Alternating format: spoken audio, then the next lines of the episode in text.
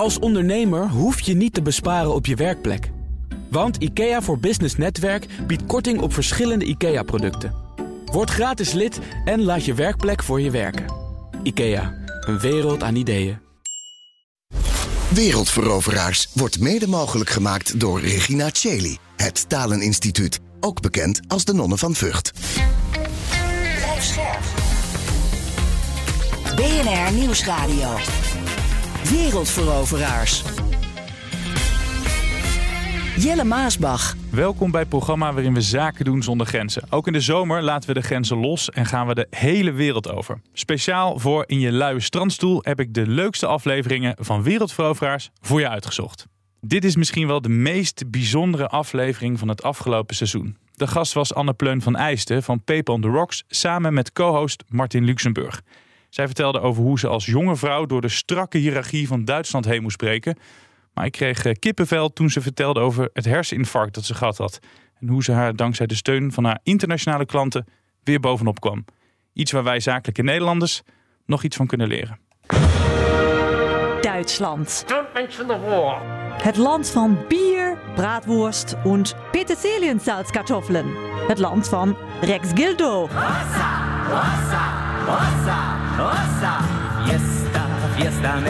En Mutti Merkel. Wir schaffen das. Het land waar je een goede werkrelatie in één klap om zeep kan helpen door te denken dat je heel amicaal hey doe kan zeggen. En waar je maar beter geen internetbedrijf kan beginnen, want het gaat allemaal traag.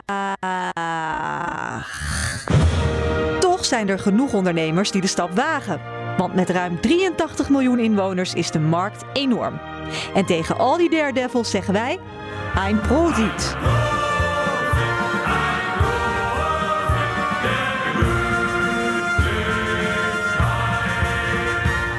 Ja, Robin Vink, onthoud die naam. Dat is altijd degene die dit uh, verzint en zo mooi maakt, uh, hulde. Uh, Anne Pleun, Duitsland is een van de landen waarin jij zaken doet. Je hebt een tijdje in Berlijn gewoond, dus je kent het land goed. We gaan het zo meteen uitgebreid over die Oosterbuur hebben. Maar ik wil het eerst hebben over jouw bedrijf. Wat doet Paper on the Rocks? Nou, uh, Paper on the Rocks die maakt eigenlijk papieralternatieven, brengt ze op de markt en zorgt ervoor dat er zo een gezonde papierindustrie wordt gecreëerd. Want de papierindustrie is eigenlijk een van de meest vervuilende industrieën in de wereld. Mm -hmm. Er is vrij weinig aandacht voor geweest. Um, en wat wij eigenlijk willen doen met Paper on the Rocks is laten zien in een product dat het echt anders kan. Het is niet uh, toekomstmuziek dat daar iets uh, mogelijk is. Dus we maken notitieboeken die mensen echt kunnen gebruiken van de alternatieve papiersoorten die er al zijn. En tegelijkertijd maken we ook die nieuwe papiersoorten met uh, laboratoria samen, met ontwikkelaars. en daar kijken we heel erg van wat is er in welk land mogelijk ja. qua alternatief. Want je denkt, er moeten bomen voor gekapt worden? Ja, op dit moment moeten er natuurlijk ontzettend veel bomen voor worden gekapt. Maar ben ik wel heel erg benieuwd wat die alternatieve uh, grondstoffen zijn die jullie uh, daarvoor gebruiken. Nou, er is echt ontzettend veel mogelijk qua alternatieven. Historisch gezien wordt papier helemaal niet gemaakt van bomen. Het werd heel vaak gemaakt van uh, lompen, zeg maar oude kledingstukken. of het werd gewoon van afval gemaakt. Ja. en daar zijn we eigenlijk mee gestopt. Terwijl wat wij maken bijvoorbeeld is papier van steen, grijs. Uh, calcium, dus dat is een heel ander soort gevoel dan normaal papier. Moet je dan erin bijtelen of uh, hoe, hoe gaat nee, dat? het is heel zacht. nee, het is echt heel zacht. Het, zijn, uh, ja, het wordt ge gebonden met HDPE, dus dat is, um, als, werkt als een lijm eigenlijk van die mineralen. En het voordeel is, die mineralen verliezen hun vorm niet. Dus ze blijven altijd in dezelfde vorm. Als je kijkt naar recycling bijvoorbeeld, verlies je daar veel minder. Als je dat op grote schaal al zou kunnen doen, wat nu nog niet zo is. Um, maar we maken ook nieuwe papiersoorten van vezels. Bijvoorbeeld van uh, landbouwafval. In plaats van het te verbranden kun je dat ook voor papier gebruiken. Je kunt het ook van zeewierplagen. Kun je ook wel papier maken als je daar? Ja. last van zou hebben in een land. Ja, dan kun je dat gebruiken om, uh, om van die vezels papier te maken. Maar het kan ook van bepaalde grassoorten. Dus er is echt superveel mogelijk eigenlijk. En um, Je hebt, ook wat, je hebt ook wat meegenomen. ja, Ik zit een beetje te ja, zeewier salade, dan sla ik altijd op aan. Dat is wat mijn lievelingsgerecht bij de, bij de sushi tent. Maar dat oh, ja nee, dit is niet Heb je- eetbaar. Oh, wat heb je allemaal meegenomen? Nou, ik heb een aantal voorbeelden meegenomen van de steenpapier notitieboeken die we maken. Die uh, maken we vooral voor, uh, voor grote bedrijven eigenlijk met hun logo er dan op. Um, in harde en zachte kaft. Eigenlijk zoals je notitieboeken kent. Aha. Van gewoon normaal papier. Maar dan met, met steen erin. Uh, en ik heb een voorbeeld van het landbouwafvalpapier. Wat meer qua gevoel lijkt op hoe je normaal papier zou ervaren. Het ziet er wel uit als een normaal notitieblok. ik kijk even met je mee. Wat, wat donkerder papier, als ik het zo goed... Uh... Ja, het is meer gelig. Eigenlijk in uh, West-Europa zijn we altijd heel erg geneigd om ons papier super wit te hebben, optisch wit. Mm -hmm. En optisch wit, dat kan eigenlijk alleen maar als je het bleekt. En dat willen we juist niet. Dus de meeste papiersoorten van ons zijn niet optisch wit. Mm -hmm. uh, en dat is wat mij betreft ook wel het goede, want dan zie je dat het iets anders is. En wat ik hier ook nog heb liggen is eigenlijk een voorbeeld van wat we uh, samen met Blue City en nog een aantal andere partijen hebben ontwikkeld. Een van de nieuwe papiersoorten en die ik we zie alleen een stel brokken zie ik liggen. Ja, ik dacht, ik laat even zien dat het ook met eigenlijk bijna niks begint. En dat je dan gaat testen van ja, hoe, hoe zorgen we hiervoor dat dit nou zo uh, fijn mogelijk wordt als je hier papier van gaat maken. Wel, het zijn natuurlijk verschillende recepten die je daarvoor ontwikkelt. Um, en hier is dan een velletje van wat dan het dichtst in de buurt kwam uh, als je dat met de hand gaat scheppen. Mm -hmm. Maar dat kan ook op industriële schaal nu gemaakt worden. Dat laatste wat jij nu hier voor me hebt is heel moeilijk. Het is radio, dus we moeten proberen uh, uit te beelden. Maar ik heb vroeger een spreekbeurt gehouden over Egypte. En uh, daar schreven ze op... Uh, Papyrus? Papyrus. Dankjewel. Ja, ja. daar lijkt het een beetje op. Ja, daar lijkt het een beetje op. Ja, dat klopt. Nee, daar lijkt het ook een beetje op. Maar dat heeft ook wel mee te maken dat dit dus uh, niet in een industrieel productieproces is gedraaid. Nee. Dus daarom zie je dat uh, heel duidelijk zoals dat vroeger misschien ook werd geschept. Ja. Uh, en um, wat wij hebben ontwikkeld zijn wel materialen die juist kunnen schalen. Ja. ja, we hebben daar wel echt specifiek naar gekeken. Want anders dan uh, kan dat niet een stuk van de papierindustrie vervangen. Dan is het meer een ambachtelijk uh, product waar je heel veel van hebt, wat prachtig is.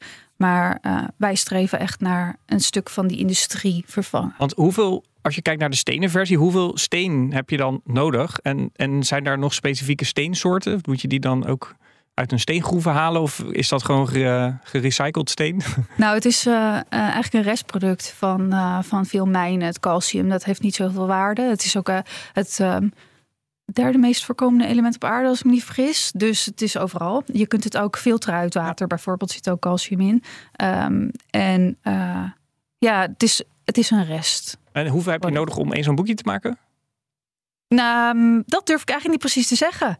Ik, Oh. Als ik het op een weegschaal nu zou leggen en moet zeggen van oh zoveel steen Nou, is zit het hier deze precies. kamer vol? 80 Of is procent. het, Nee, eh, nee, nee. Studio? Nee, nee, nee. Het is niet zo. Het weegt wel iets meer dan normaal papier. Dus dat is misschien Ja. wel een goed uh, punt om nog uit te leggen. Het is wel zwaarder. Ja. Het is ook koeler. Bijvoorbeeld als je het in je tas meeneemt en je haalt er gewoon uh, boompapier, boek eruit en een steenpapier. Dan voel je wel echt het verschil. Die mineralen zijn gewoon kouder. En uh, je zei het al, je wil dat de, de, de industrie is eigenlijk vervuilend. En je wil nou, hiermee de industrie eigenlijk een stuk gezonder maken. Ja, we zijn eigenlijk een duw geven in de goede richting. Want het is, uh, ja, wat je al zegt, heel traditioneel. Het bestaat al heel lang en het was heel lang ook misschien wel handig.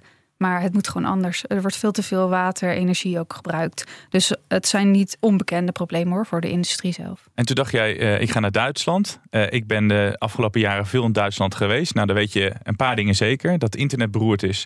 Mm -hmm. uh, dat je niet met je pinpas kan betalen. En we ja. hebben van andere ondernemers geleerd. Digitalisering, nou, dat, dat loopt allemaal niet zo lekker. Veel gebeurt op papier. Dus toen dacht ja, je, dat hey, klopt. Dan kan ja. lekker papier gaan verkopen. Nou, ik woonde daar toen ik dit bedrijf begon. Ja. En ik dacht, ah, dat is mooi. Grote markt. Ik zit hier lekker in Berlijn. En uh, allemaal andere ondernemers kon ik ontmoeten. En dat was hartstikke leuk. Uh, maar wat blijkt, voor mijn ervaring dan, is... Papier is daar heel belangrijk. En dat is mooi. ik hou ook van papier. Um, maar als je dan met een nieuw soort komt dan heb je wel echt te maken met een land wat uh, heel trots is op zijn papiergeschiedenis. Heel gehecht is aan de papierervaring die er nou eenmaal is. En om daartussen te komen, dat is heel lastig. Ik denk met veel innovatieve materialen überhaupt. Als je daar um, in Duitsland uh, op de markt wilt komen, dan loop je tegen best wel veel barrière aan dat er eerst heel veel onderzoek onderliggend moet zijn.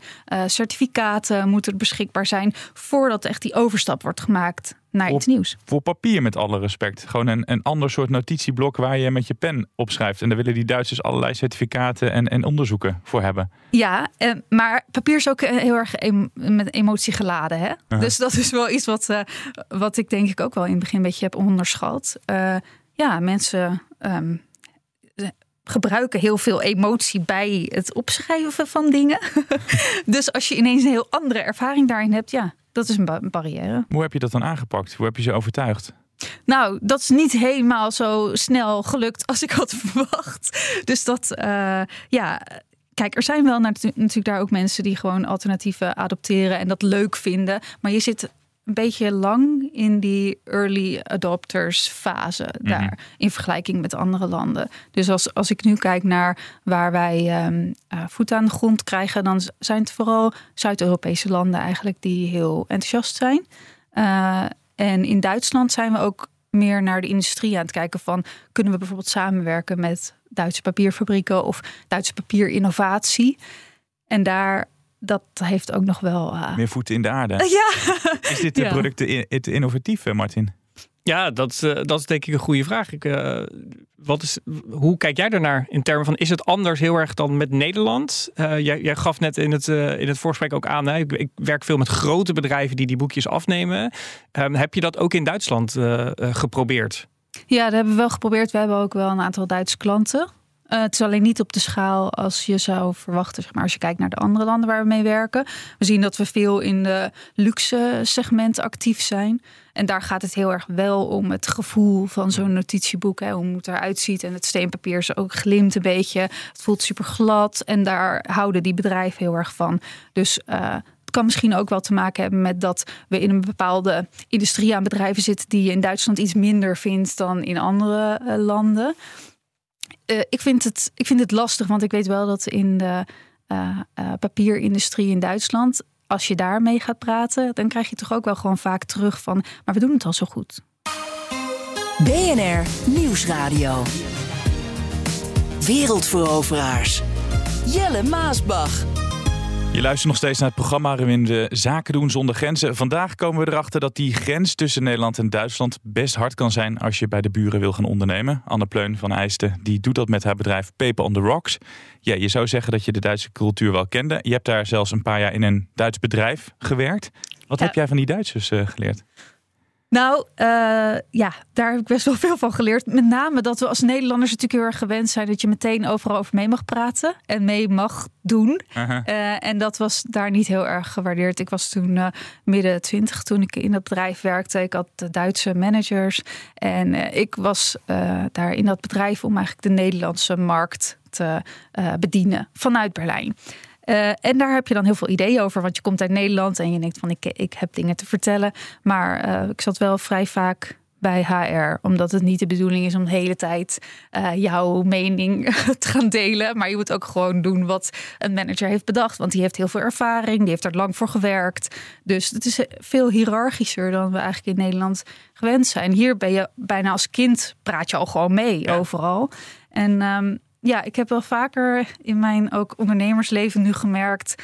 dat die, die Nederlandse sfeer van kom, we gaan het gewoon doen. Dat niet ieder land daarvan denkt yes. Dus liep jij de deur plat bij de HR-afdeling. Nou, ik ben naar binnen gevraagd, ja. Toen ging je voor jezelf beginnen. Ja. Dan ben je eigen baas. Dan Ja. heb je die types heb je niet nodig. Precies. Maar hoe ging het dan? Want dan heb je wat te maken met een Duits team. Dan kon je misschien Eh, ook niet alles. eh, Nee, ik heb eh, eigenlijk niet. Ja, ik heb wel met Duitse mensen gewerkt, maar Ja. denk ik meer mensen die ook gewoon internationaal georiënteerd zijn. Dus die hadden minder dat hiërarchische. Maar ik heb wel met eh, eh, bijvoorbeeld gesprek gevoerd over het opzetten van een papierfabriek, een nieuwe papierfabriek in Duitsland. En daarbij merkte ik heel erg, daar was ik de jongste in de gesprekken mhm. en de enige vrouw. Ja, daar liep ik wel tegen ongeveer hetzelfde aan. Dat, dat, het is wel leuk dat je meedenkt, het is wel schattig of zo. Maar het is niet de bedoeling dat ik dacht dat ik dat hele ding eh, mee ga doen. Ehm, dat is waar ik ook wel een keer, ja, heb ik wel eens ook een fout meegemaakt. Ja. Ja, maar is, is dat anders in, in Zuid-Europa? Ehm, daar heb ik echt wel, ja, heb ik wel zelf een andere ervaring mee. Ja. Veel opener, veel, überhaupt veel persoonlijker, veel ehm, eh, eh, minder van eh, waar je vandaan komt. Veel meer gericht op waar je heen wil. Misschien. Heeft het ook mee te maken dat soms ondernemers te snel naar het buitenland willen? Of dat ze dan denken, oh, dat komt wel in Duitsland en dan loop je tegen dit soort dingen aan? Ja, we zien natuurlijk eh, dat uh, Duitsland lijkt altijd heel dichtbij. Ja. Uh, dat is natuurlijk ook uh, grenstechnisch. Maar ja, uh, dat hoor ik ook van veel ondernemers. Ja, de, de cultuurovergang is gewoon heel groot. Ik denk dat dit een heel mooi voorbeeld is met Hirars. We hebben natuurlijk een aantal andere ondernemers natuurlijk hier ook gehad. Hè, die ook vooral in Zuid-Europa ja, dat dat wel lukt. Met, met voeten aan de grond te krijgen. En dat die cultuur misschien meer lijkt op die van ons. Ook al zou dat, is dat een beetje raar. Um, Grappig hè, want je dus, zou zeggen dat die Duitse cultuur er meer bij ons zou passen. Maar dan past dus toch meer die Zuid-Europese. Ja, gewoon. Want uh, jij gaf het begin ook aan hè, van Duitsers die, die vinden het fijn om alles dan op te schrijven op papier met, uh, uh, ja, met gevoel. Is dat dan in Nederland is dat dan anders? Dat, dat vroeg ik me net nog af. Misschien zijn Nederlanders wel iets meer gadget gedreven ja. überhaupt. En is ons eh, eerste notitieboek van het steenpapier natuurlijk heel erg ook binnengekomen als gadget. Ja. En, ja, en daar zijn we heel gevoelig meer voor. de eerste editie. Dus, ja, ja, heel goed, dat hartstikke leuk. Ja. Cultuurclash. Ondernemen in het buitenland staat natuurlijk ook garant voor blunders of ongemakkelijke situaties. En daar kunnen wij het dan weer uh, lekker over hebben. Anne Pleun, wat is het gekste dat jij in Duitsland hebt meegemaakt? Nou, het, ja, het gekste is eigenlijk dat ik. Uh, ik werd benaderd op een gegeven moment door een partij uit Zuid-Amerika.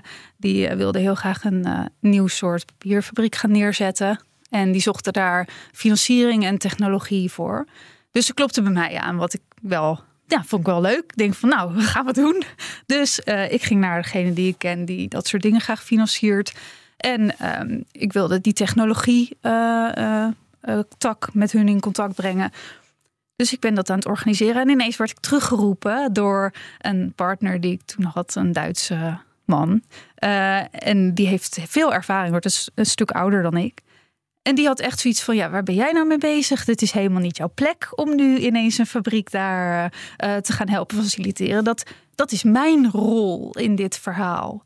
En ik was me echt van geen kwaad bewust. Ik dacht, hey, goed idee, laten we dit gaan doen. Weet je, zoals wat je eigenlijk, denk ik, van Nederlanders ook wel vaak hoort. Van, je gaat gewoon ergens heen, je gaat het gewoon doen en je kijkt ja, wat er ja, gebeurt. Ja. ja. dus zo stapte ik daar ook in. En, en ineens was het, ja, ik had op iedereen stenen getrapt. En dat is ook niet heel uh, meer goed gekomen. Zeg maar ik ben daar gewoon uitgestapt en uh, oké. Okay, Ga het maar doen. Ook die verstandhouding met die, uh, met die persoon. Nou, dat was niet. Nou, het was gewoon niet de bedoeling. Het was gewoon. Het is heel voor hun heel duidelijk van dit is jouw plek en dit is mijn plek. En daar blijven we. En we werken wel samen, maar het is niet de bedoeling dat je ineens denkt dat je alles kan. Je staat hier helemaal te stralen uh, met, met, een big smile. Uh, het gaat nu goed. Uh, vorig jaar stond de wereld voor jou er heel anders voor, want toen werd je in één keer ziek. Ja, klopt. Ja, ik heb vorig jaar. Eerst kreeg ik een kind, dat was leuk. En tien dagen later kreeg ik een herseninfarct. Dus dat was minder leuk. Want toen toen kon ik niks meer. Ja, ik kon uh, niet meer praten en niet meer, ja, niks meer. Gewoon liggen in een bed. en dat is natuurlijk niet wat je verwacht als je, nou, begin 30 bent. Ja, zo jong. Ja. Net moeder. Ja, precies. Maar ja. Je, kon, je, je kon moeilijk praten, zeg je. En je staat hier, uh, ik wou zeggen, je, je lult de oren van mijn kop, maar je, je vertelt een goed verhaal. Uh, nee, alleen maar leuk. Uh, en wat ik zei, je staat hier helemaal te stralen. Het is wel bewonderenswaardig hoe je er bovenop bent gekomen. Ja, nou ik denk niet dat dat, dat is niet mijn eigen verdienste. Dat is ook gewoon geluk. Ik heb gewoon geluk gehad dat... Uh, dat ik veel talen sprak trouwens. Dat is een beetje een raar verhaal. Maar omdat ik veel andere talen heb gesproken in mijn leven... Uh, zijn er zoveel nieuwe routes die je hersenen kunnen maken om weer te praten. Dat, uh, dat ik daardoor nog Nederlands kan spreken. Dus dat is fijn. maar dat is ook wel als je kijkt naar dat je toch een eigen bedrijf hebt. Ineens ben je er gewoon uit. Dus ik ben heel langer uit geweest. En er zijn echt ja, een aantal financiers die betrokken zijn, zijn erin gestapt. En die hebben mijn rol overgenomen. Het team heeft gewoon doorgewerkt zonder mij. Uh, en, en we, kregen, we kregen heel veel uh, berichten, met name trouwens vanuit Zuid-Europa, ja. van uh, klanten van ons die eerst natuurlijk heel erg mee hadden geleefd met, oh, er komt een baby, ja, geweldig, familie, la la la. En ineens, oh, uh, we wilden je feliciteren met dat de baby is geboren. Maar het verhaal is zo anders. En ze waren helemaal emotioneel. En kwamen echt ook aan de deur mensen die toevallig... Oh, we zijn toevallig in de buurt. Nou, als je weet waar ik woon, ben je niet toevallig in de buurt. Nee. Maar dat is dan wel heel fijn. Tenminste, vond ik heel fijn. En dat steunt je heel erg. En je zei uh, allemaal van, uh, van Zuid-Europese klanten. hoe zat het met, met Nederlandse eh, connecties? Ja, weet, ik denk dat ehm, Nederlanders hebben een hele duidelijke, of tenminste in mijn beleving, wel een onderscheid tussen van dit is ook je privéleven en daar wil ik ook niet mij in mengen op het moment dat het zo moeilijk is voor jezelf. Mhm. Dus daar zijn ze heel eh, bescheiden in, vind ik eigenlijk zelf. En dat heb ik normaal ook. Als ik hoor dat er iets bij iemand is gebeurd, je hebt even daar aandacht voor. En dan denk je van, oh, ik, ik wil je ook niet lastigvallen. Ehm, terwijl ik merkte dus van de andere eh, Zuid-Europese connecties en financiers uit die regio, dat zij juist heel erg eh, de, de betrokken wilden zijn en dingen wilden sturen en kaartjes en, en berichtjes. En eh, dat heeft mij heel erg gesteund, maar dat heeft ook met mijn persoon blijkbaar te maken. Het is zo alleen als je ineens niet meer kunt praten en alleen maar daar ligt en denkt hoe, hoe komt dit eigenlijk goed? Uh, om, om dan mensen om je heen te hebben die aan je denken op een hele actieve manier. Dan wil je juist die aandacht, dan wil je juist die kaartjes of die appjes of die, of die berichtjes. Of dat in één keer iemand per ongeluk voor je deur ja, precies. staat. Ja, het gevoel dat je niet, uh, dat het is nog niet voorbij. Nee. Zeg maar, want dat was natuurlijk dan voor mij heel erg het punt van, oh ja, was dit het dan? En nou, dat is dus toch niet. Nou, Gelukkig. Dit onderdeel gaat altijd een beetje lollig over de cultuurclash. Wat voor gekke dingen maken we mee. Maar nu wordt wel weer eens duidelijk hoe belangrijk dan cultuur is. En dat wij Nederlanders dan misschien iets te cool zijn, te koeltjes. En dat je dus van andere culturen heel veel krijgt. Ja, dus misschien kun je daar ook wel wat van leren als uh, coole houding van Nederlanders. Want uiteindelijk ook in zaken heb je gewoon te maken met mensen. Ja. Dus het is niet zo van, oh, we hebben op zakelijk hebben we contact, dan gaan we naar huis en dan hebben we ons eigen leven.